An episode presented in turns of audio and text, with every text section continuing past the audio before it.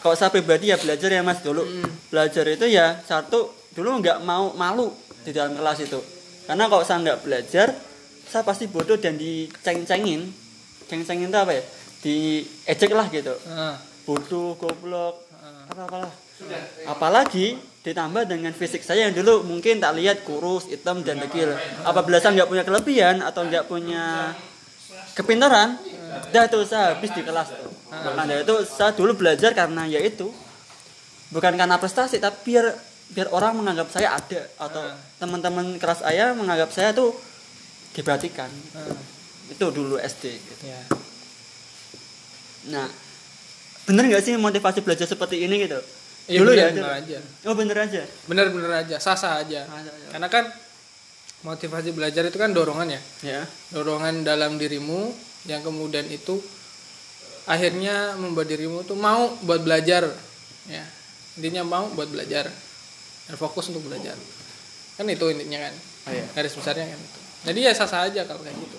wah syukurlah kok sasa keinget banget mas ini kelas 1 atau kelas 2 ya itu pelajaran PAI tentang eh, rukun rukun Islam salah satu rukun Islam itu saya nggak hafal hanya saya nyontek teman sebelah laki-laki Ya. keinget banget itu di belakang di kelas paling belakang ngomong ini weh ojo nyontek toh sinawut buan atau bahasa-bahasa yang buat saya sakit hati lah gitu. Iya. itu kelas 2 SD sampai kelas 4 saya masih masuk orang yang bodoh atau yang peringkatnya itu di bawah rata-rata atau di bawah total kelas misalkan 24 berarti rata-rata saya 12 ke bawah nah 12 ke 24 itu. Ya posisi di kelas 4 itu atau kelas 5 saya mendapatkan wali kelas yang benar-benar kejam atau benar-benar disiplin disiplin di situ merubah saya untuk menjadi orang yang mudah belajar. Heeh. gitu. Dan meskipun saya kurus hitam dekil dulu sebagian teman-teman mau berteman dengan saya karena itu karena matematika yang atau karena saya punya peringkat lah di teman-teman. Hmm, ya, ya sejatinya ya. Dorongan paling besar itu dorongan di dalam diri. Ya. Kalau tadi kasusnya Mas Afif kayak gitu, berarti pemantik awal itu adalah kondisi lingkungannya Mas Afif. kondisi lingkungan saya mas Ya, tadi kan eh, dibilangin sama temennya hmm. kalau bodoh dan sebagainya itu kan yang membuat sakit hati kemudian dapat wali kelas yang eh, yang seperti itu juga ya Ya. yang rada kejam juga itu kan itu kalau menurut saya ya itu kondisi lingkungannya Mas Afif yang kemudian ya menjadikan diri Mas Mas Afif itu berpikir aku harus punya kelebihan lain yang lain itu oh iya benar tuh itu kerasa tapi ya saya nggak tahu teorinya tapi Nah. ya saya yang aku rasakan seperti itu Ya, karena dorongan orang lain itu dari lingkungannya kayak gitu tuh, eh, diri Mas Afif kemudian bergejolak.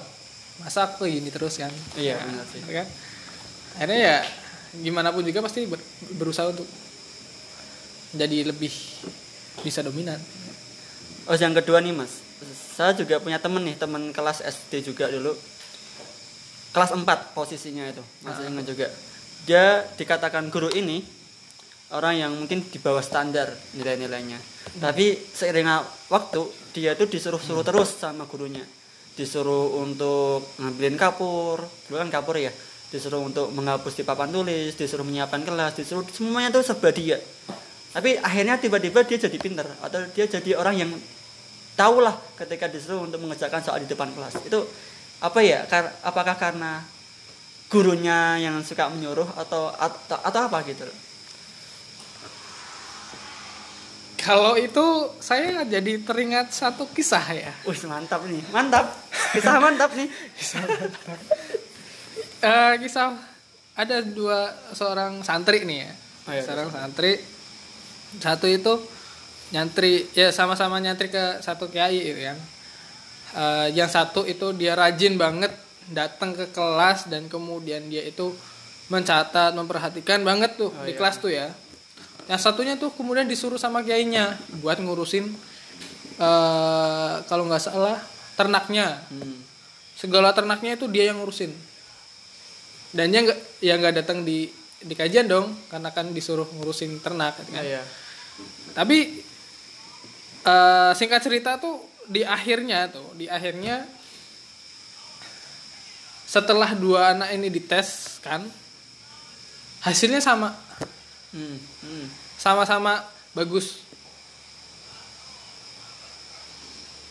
di ya di di sisi lain eh, karena mungkin ketaatannya ya atau mungkin eh, saking apa namanya kalau bahasanya pondok itu Tawadu. ah tawadunya sama Oh, kayaknya iya. jadi ilmunya langsung nurun Oh gitu. ke yang yang apa namanya yang mau Ngurus ternak ngurus itu. ternak itu dan itu hasilnya sama sama yang ikut sering kajian sering ngaji nyatet Itu tuh berkah apa ya namanya ya? iya bisa jadi itu keberkahan dari seorang kiai Nah itu. seorang gurunya ya Kadang kalau kita nuntut ilmu tuh nggak cuman ilmu yang kita dapat tapi keberkahan yang harus kita cari juga. iya betul Karena ada orang yang dia udah belajar tapi kok nggak paham-paham gitu. Mm. Ya bahwa alam ini ujian buat dia sendiri dan ujian buat gurunya. Tapi kalau gurunya ridho ya salah dapat ya. nah betul Itu sih. Terus yang ketiga ya biasalah di suatu sebuah kelas kan ada teman yang paling pintar, ada teman yang paling cerdas, Ya. yang paling cantik, paling Ah, ganteng. gitu. ah. Nah, saya respect kepada mereka yang apa namanya yang cantik gitu. yang pintar tapi tetap membumi. oh, masya allah membumi itu Maksudnya itu tetap mengajarkan. Eh, Tapi ada orang juga pinter, tapi dia nggak bisa ngajarin. Saking nggak bisa ngajarinnya, teman-teman tuh kok minta ajaran ke dia, dia nolak dengan cara halus atau dengan cara yang kasar. Teman-teman malah menganggap dia sombong. Pernah nggak ya? Masa gini ya? Orang pinter nih, tapi Ya. dia nggak bisa ngajarin, nggak bisa Ya. nggak pinter ngajarin. Gitu. Nah ini mungkin di di kehidupan mungkin pernah juga ada kayaknya. ya Kira-kira gimana? apanya Jenengan kalau misalkan jadi orang seperti itu, ah. pinter tapi nggak bisa ngajarin, Iya. dan jenengan jadi orang yang pengen minta diajarin orang-orang ini. Dan apakah harus dianggap sombong atau bagaimana? kalau kalau yang saya posisinya itu saya tuh Iya. Kalau posisinya itu saya, saya pasti akan bilang, kalau kamu minta pengen diajari sama saya, kamu harus ikut cara saya. Masih. Jangan Eh. paksakan saya ikut caramu, Oke. gitu. Jadi jadi.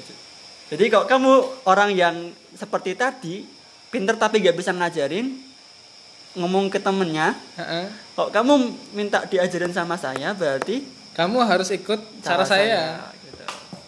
Terus yang kedua nih, oh, Mas nemu orang seperti itu nemu jadi termasuk orang yang minta diajarin atau melihat ada orang yang pintar tapi nggak bisa ngajarin atau dia sombong lah gitu gitu Ah, gimana tuh atau enggak kamu tahu nih ada A yang pintar tapi nggak bisa ngajarin ke B tapi pengen menganggap si A tuh sombong apa yang kamu lakukan kepada B gitu um, apa ya?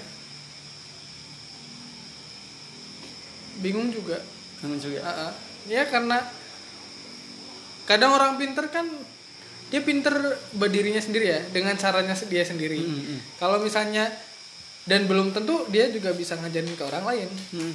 karena dia biasanya buat dirinya sendiri terus kemudian ada orang lain yang kemudian minta bantuan buat eh, ngajarin dia ya otomatis cara yang paling mudah itu kayak tadi. Orang lain harus ngikutin caranya dia. Nggak bisa kemudian eh, dia harus sesuai dengan caranya orang lain. Iya. karena itu nanti susah. Saya keinget lagi nih. Ini mantap nih. kejadian nyata. Mantap saya ini. sendiri.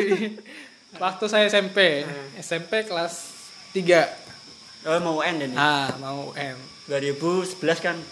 Iya iya. Kita seangkatan. Aduh kebongkar nih.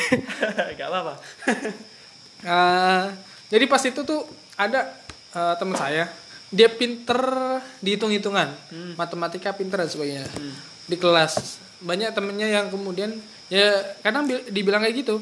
Eh aku mau ya ajarin udah diajarin tapi dia nggak bisa terus dia- dia bingung kan yang ini kan harusnya gimana? Kalau saya kemudian deketin dia dan kita buat challenge. Buat apa? Challenge. Oh challenge. Nah, nah, bahasa kerennya challenge ya? Iya. kalau bahasa lah, tantangan. tantangan. tantangan ya. Iya, iya. jadi kita kita buat tantangan eh dulu duluan duluan ngerjain dan duluan siapa yang benar Hmm. eh jadi ket- pas istirahat nih pas waktu istirahat istirahat pertama eh ya benar istirahat pertama kita kan nggak jajan ya nggak jajan ada buku dibuka bukunya buku soal soal. Caranya kayak gitu. Jadi saya ngerjain dia ngerjain. Dulu duluan siapa yang eh, selesai dan siapa yang benar kayak gitu terus kan. Kan saya kurang bisa nih. Saya kurang bisa. Saya ngerjain dia juga ngerjain. Udah selesai semua dia kan benar jawabannya saya salah. Karena dari dari eh, jawaban saya itu ada yang salah saya tanya ke dia ini salahnya bagian mana? Nah itu cara saya buat Oh. minta diajarin dia. Jadi nggak nggak harus kemudian eh dari dari awal gitu kan. Hmm. ya, nggak harus kayak gitu bisa disiasatin kayak gitu challenge ya biar sana juga nggak terasa tersinggung ya. dia juga mau ngajarin saya kita juga dapat gitu Ya, dapat dapat. Oh yang kedua tadi tadi kan yang pertama tentang orang yang kamu seperti A, kamu pinter tapi nggak bisa ngajarin, itu udah ada solusi dari Pak Diki, Mas Diki. Tapi bagi kamu yang B, yang minta diajarin tapi malah ngamuk-ngamuk, satu pesan buat anda, tahu diri ya. minta diajarin kok marah-marah gitu loh. Kalau misalkan nggak mau ya dimarahin ya cari orang lain gitu loh. Jangan nyombong-nyombongin gitu. Kasihan gitu. Dia pinter juga mungkin karena usaha sendiri tapi dia nggak bisa menularkan usahanya. Dia bukan bu- guru kok, dia juga siswa kok gitu ya. betul Oke, terima kasih untuk hari ini. Bes untuk hari ini atau season ini. Insya Allah masih banyak lagi ya kita banyak membahas tentang pendidikan di Indonesia juga oh mungkin siap kita membahas tentang ekonomi Indonesia, Ah. politik Indonesia. Iya. saya belajar dulu kalau itu ya Udah kayak analisis nih. Gitu, gitu. Oke, kita bahas tentang arem-arem nanti. Oke. Arem. Terima kasih Pak Diki. Assalamualaikum warahmatullahi wabarakatuh. Assalamualaikum warahmatullahi wabarakatuh. Direkap Mas.